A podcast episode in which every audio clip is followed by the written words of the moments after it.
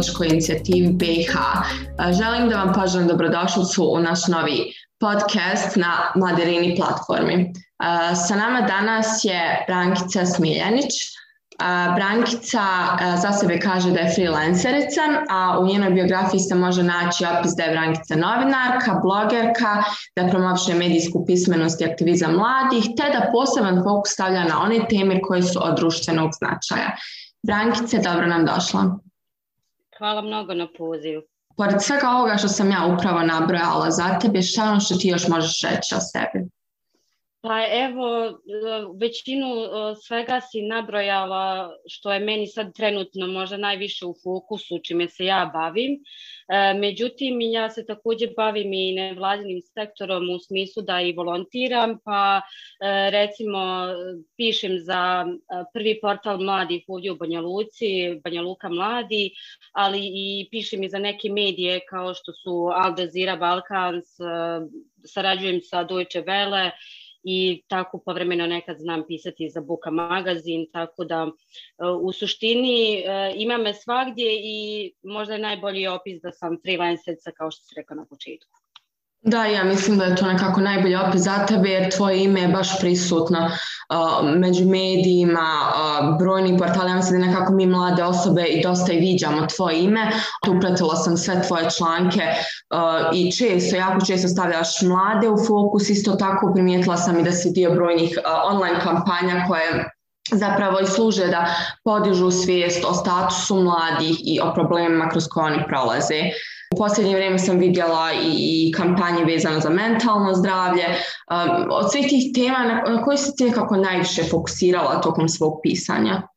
E, pa u posljednje vrijeme e, volim da pokušavam da pokažem mladima da oni mogu da postignu dosta, e, ne samo ono što je trenutno u fokusu na političkim scenama i u medijima što se trenutno prikazuje, a to se prikazuje se većinom da mladi odlaze, da su mladi veni, da mladi ne žele da rade. Međutim, mi smo primijetili stvarno da mladih ima koji su toliko talentovani, toliko žele da pokažu svoje znanje, e, čak i mogu reći iskustvo za tako kratko vrijeme, jer ima dosta mladih koji su uključeni u dosta e, ne znam, nija radionica, e, dodatnih neformalnih edukacija i kroz te neformalne edukacije sam zapravo i shvatila koliko oni u stvari znaju. E, tako da moj je najveći sad fokus da e, prikažem njihov aktivizam, ali da prikažem i njihove e, pozitivne strane koje on prikazuju e, za sebe, ali da bude više fokusu u medijima. I da kroz primjere dobrih mladih e, pokažem onima koji misle da ne mogu samostalno da dođu do nekih prilika, da u stvari mogu da dođu, da nije sve e, politička knjižica i slično, nego da mogu sami svojim trudom, radom i zalaganjem da dođu do e, prilika koji su njima možda san tokom e, njihovog života. Pored ovih svih portala koje smo upravo nabrojala, ti se dosta oglašavaš i na društvenim mrežama. Možeš nam reći prilike koje društvene mreže ti koristiš i najviše u koje svrhe? E, ja sam otprilike, e, ja mislim na svim društvenim mrežama, osim na Twitteru i na Snapchatu. E, dakle, imam Instagram, Facebook, LinkedIn, TikTok i to je to. U suštini mislim da je najbolje za mlade TikTok i Instagram, jer su oni najviše tu. Sad ne znam za Snapchat, vjerujem da jesu i tamo, pošto čujem baš da mladi vole da koriste i Snapchat. Međutim, e, najviše može da se pokrine neka priča koja bi mogla doći do njihovih ušiju je Instagram i TikTok. E, primijetila sam unazad nekoliko mjeseci da na TikToku možda se može najviše da dopre do mladih, u smislu da e, što se tiče i pozitivnih i negativnih strana, ono što sam primijetila također je da mladi vole da koriste društvene mreže, i da oni e, pokušavaju da e, prikažu sebe i u pozitivnim i u negativnim e, stranama, da tako kažem, jer te sve društvene mreže se mogu koristiti pozitivno i negativno. Pa ja koristim i svoje društvene mreže upravo iz tog razloga. Ja u recimo jedan bitan podatak, ja sam recimo na društvene mreže došla 2018. godine E, a prije toga recimo nisam imala društvene mreže 10 godina. Znači moji početci su bili kad je bio MySpace, kad je e, tek početak bio Facebooka i onda sam jednostavno rekla ne, ne želim da više budem na društvenim mrežama e, jer su posticale neku zavisnost pa i tako i kod mene ovaj, i onda sam jednostavno rekla kad budem došla na društvene mreže bit će to iz nekog razloga da pomognem, da uradim nešto, da jednostavno iskoristim na najbolji mogući način društvene mreže. I držim se i dalje tog um, aspekta i kod sebe na svojim društvenim mrežama, pa dijelim dosta, ne znam, nija e, prilika za mlade, E, pokazujem šta mogu oni da idu na koje radionice ili ako je nešto interesantno, zanimljivo pa stavim da nije baš sve dosadno jer niko ne voli da prati dosadan sadržaj pa onda pokušavam da ubacim i video sadržaje jer sam išla i na mobilno novinarstvo jer to isto održava pažnju ali isto tako volim ja da gledam tako te neke sadržaje, pa onda razmišljam ako ja nešto volim da gledam, onda vjerujem da i ljudi vole to da gledaju, pa u suštini pokušavam da pomognem na razne načine. Zanimljiva mi je ta činjenica da nisi bila prisutna u toj online sferi deset godina i nekako teško mi je za, i zamisliti jednu mladu osobu da se tek tako odrekne svega toga jer mislim da, zato, i zato i pitam sva ova pitanja vezana za društvene medije zato što mislim da mladi mogu uticati na mlade. Um, kroz dijeljenje tog sadržaja o aktivizmu, prilikama, koliko ti smataš da se mladi odazivaju na to? Da li misliš da, da kod njih više društvene mreže preobladavaju za neku zabavu ili stvarno tu postoji ta neka vrsta aktivizma? A, recimo da sam o ovoj priči pričala možda prije nekoliko godina, vjerovatno bi bila u tom nekom filmu da je nemoguće da ima sad nekog aktivizma na društvenim mrežama ili da nešto može da se uradi ili ne znam nija, jer bila sam povučena iz tog društvenog života, pa sam sve smatrala da što ne uradiš uživo, nema od toga ništa. Međutim, mi smo došli sada u eru kada dosta stvari se uradi preko online, da je to nešto nevjerovatno. E, čak e, postoje razne e, razni pritisci koji mogu da se urade preko online, da uopšte ne završe u tom nekom e,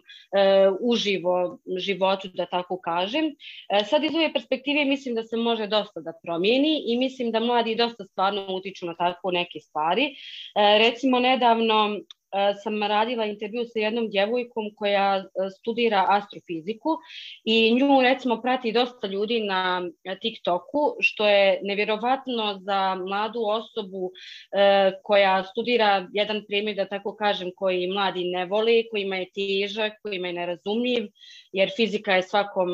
jedan od najtežih predmeta, takođe matematika. Tako da ovaj, iznenadala sam se kad sam vidjela da nju prati stvarno dosta ljudi i da ona tako na zanimljiv način prikazuje uh, taj sadržaj koji ona želi da uh, pokaže, da dopri do mladih. Onda sam vidjela razne kampanje koji su radili mladi, uh, čak sam bila i ja dio jedne kampanje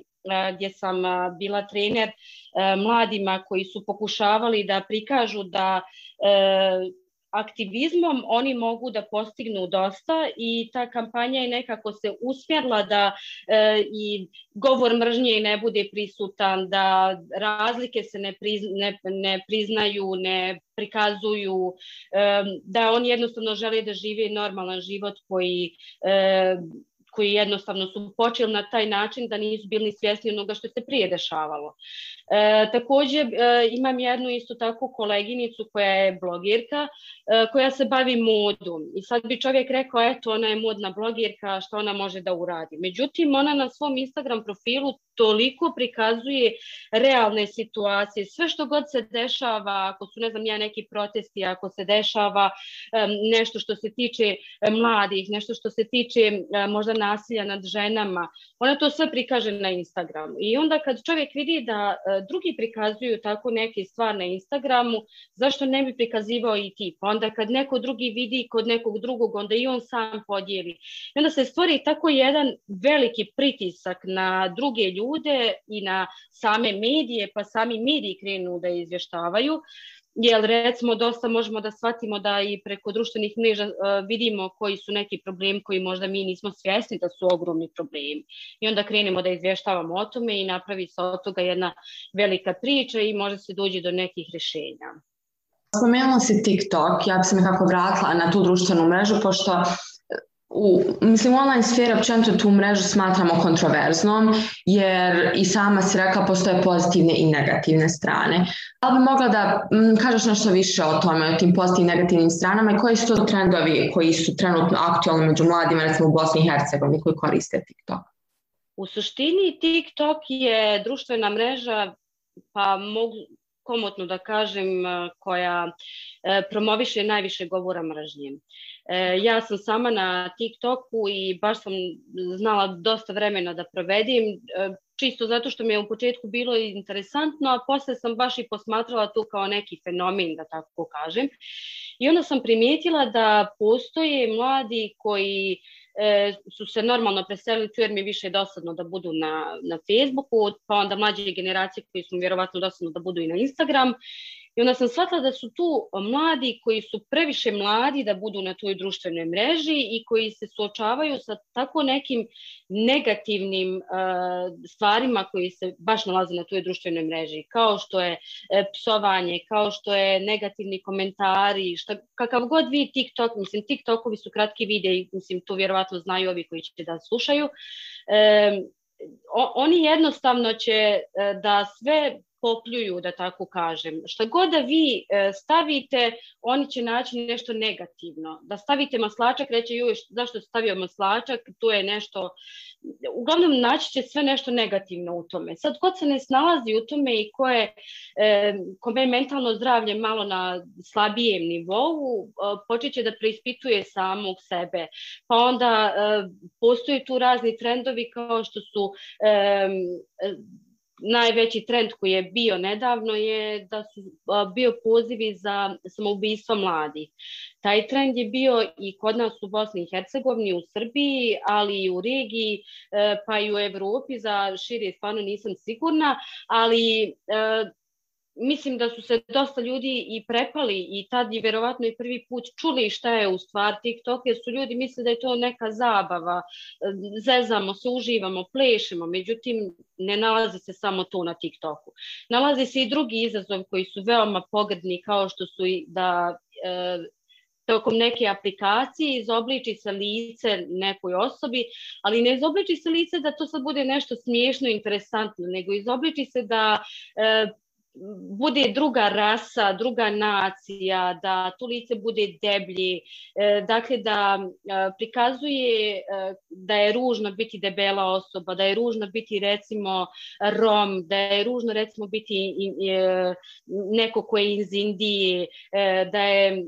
u suštini sve neki negativni trendovi koji smo mi možda prije nekoliko godina mogli vidjeti na YouTube-u,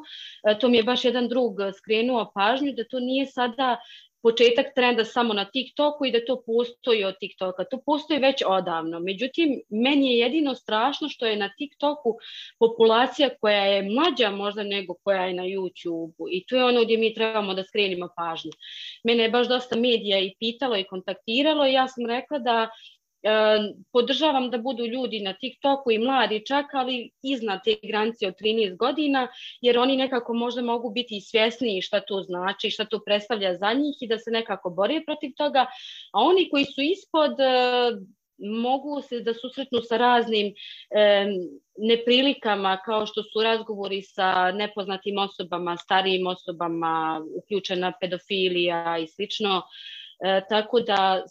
kontraverze su tu i kontraverze treba nekako da rešavamo, ali mislim da to ne možemo da idemo samo nagli da kažemo ej ne smijete koristiti društvene mreže. To je nemoguće jer ta društvena mreža neće nestati, ona će postojati, nego je samo pitanje kako ćemo je mi koristiti. Da, da, upravo se. TikTok sad,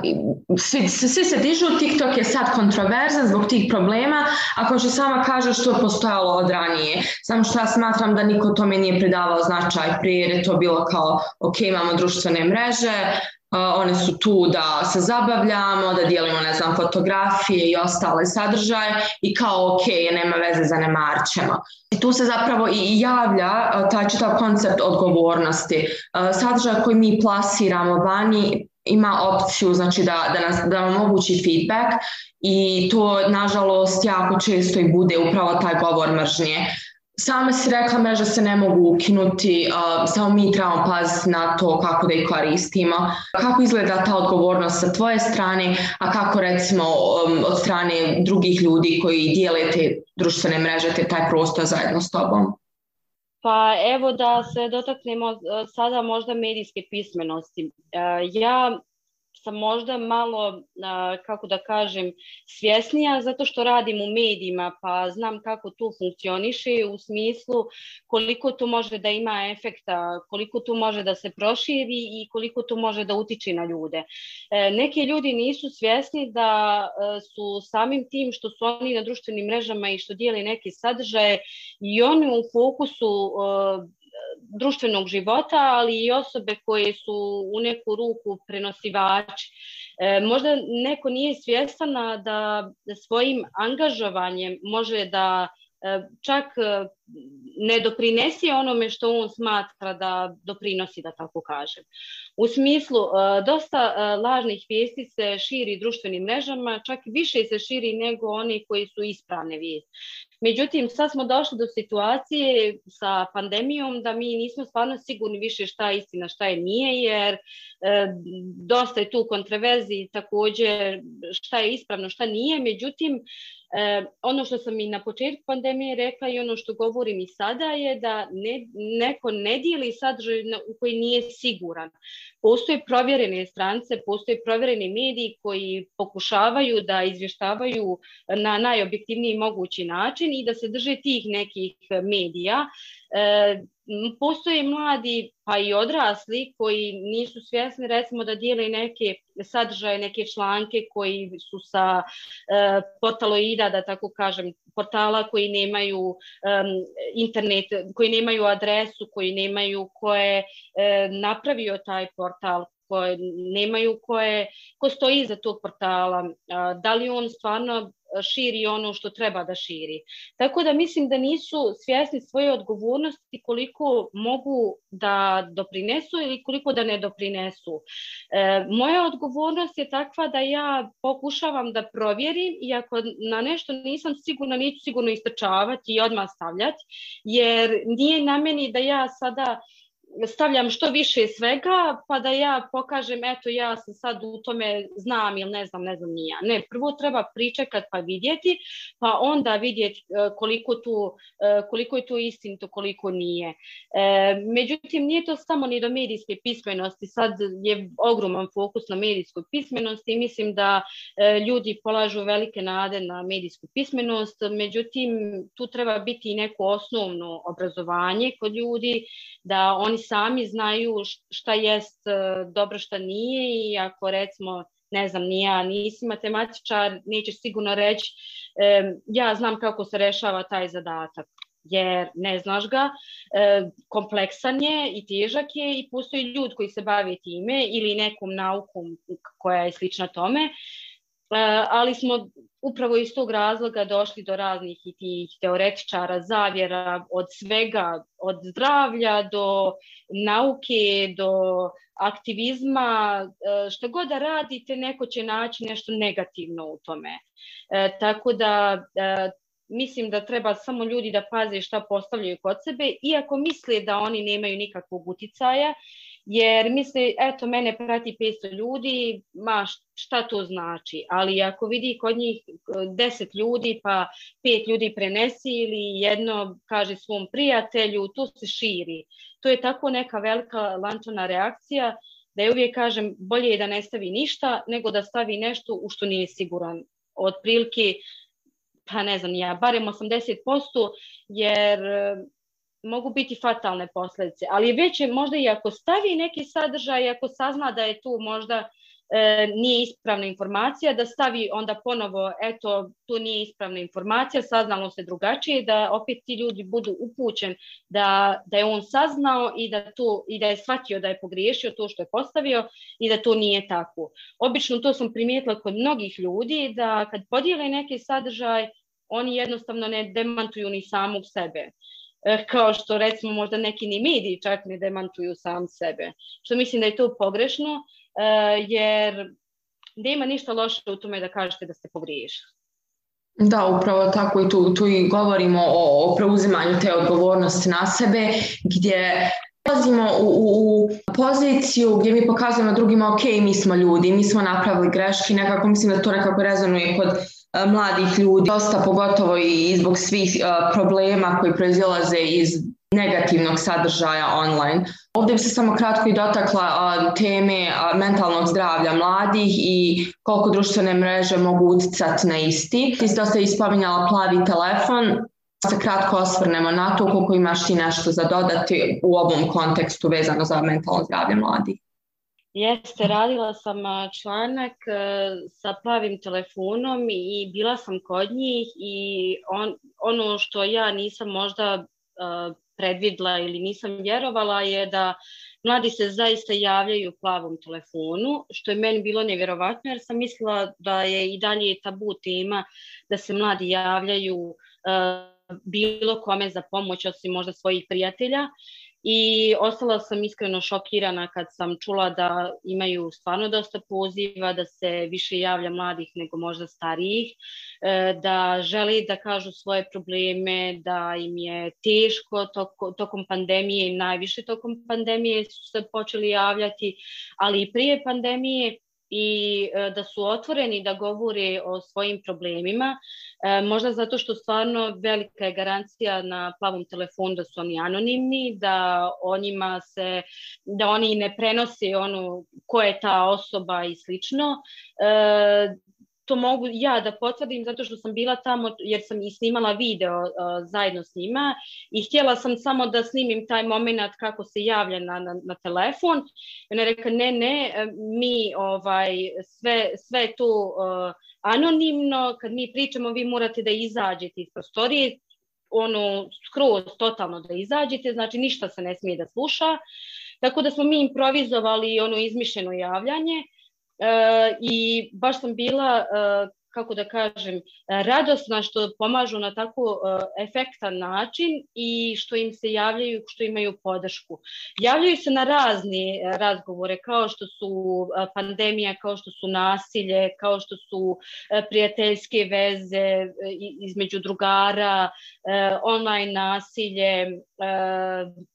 sve što zapravo njih tišti i onda sam shvatila da uh, možda treba više da se posveti mentalnom zdravlju djeci i ja vidim da baš u medijima nema previše tekstova o tome i pogotovo sad tokom pandemije i online predavanja, nastava i svega, mislim da se treba više u fokus staviti e, priče i više s njima pričati i više pričati možda i sa psiholozima i sa plavim telefonom kako bi se pomoglo, kako bi i roditelji sami shvatili da i oni mogu da pomognu svojoj djeci ako možda neko nije siguran da je još u problemu jer neki mladi nisu svjesni koliko to na njih utiče. Ali da se javi i stariji jer razgovor sa psihologom nije nešto što je sramota i u inostranstvu je to postalo već, kako da kažem, svako ima svog psihijatra, psihologa, Uh, mislim da u ovoj situaciji tokom pandemije ne trebamo da shvatamo da je bilo koja tema tabu i da se trebamo time da bavimo. E, ja, eto, možda što mogu da dodam na kraju jeste da e, da mladi planiraju neke stvari možda unaprijed, iako ja nisam osoba koja planira, ne znam, ja unaprijed godinu dana ili tako nešto, ali unaprijed nekoliko dana da se vesele nečemu u smislu da znaju da će, ne znam, nija imati za dva dana neku radionsku koja je njima veoma bitna ili da će ići na kafu za tri, dan, za tri dana sa svojim prijateljima. Tako da imaju te neke sitnice koje ih čine sretnim i zadovoljnim i onda će i on sam se osjećati, ne znam, nija možda ispunjenije i eto, i te društvene mreže da koristi na ispravan i pametan način. Da, mislim, ja sam spomenula upravo tu sferu zato što mislim da upravo ta pomoć, preuzimanje odgovornosti i razbijanje barijera, to više nije tabu tema, jedan pozitivan outcome i društvenih mreža i online sfere. Uvijek vezujemo društveni aktivizam kao pozitivan outcome, ali mislim da, da je ovo jedna tema koja treba zauzmati više prostora i o kojoj se treba više govoriti. Za kraj ja samo želim možda spomenem i, i moć bloga. Uh, ti si freelancerka naravno, ali um, ja te nekako najviše posmatram kroz to kao blogerica. Koliko mladi čitaju blogove i uh, koliko mladi zapravo pišu blogove? Pa e, ja recimo nisam mislila da ću ja ikad pisati blog, međutim shvatila sam da je to super platforma za pisanje priča i da se dotaknete nekih tema koje vi želite i u kojem vi želite trenutku i imate zapravo svoj prostor da to uradite. E, primijetila sam da kod nas u Bosni i Hercegovini se širi ta nekako blogosfera i da postoji dosta blogera koji počinju da pišu blogove, e, između ostalih i mladih. Ja znam jednu djevojku koja ima 16 ili je sad 17 godina koja piše blogove i koja je počela, da tako kažem, veoma mlada E,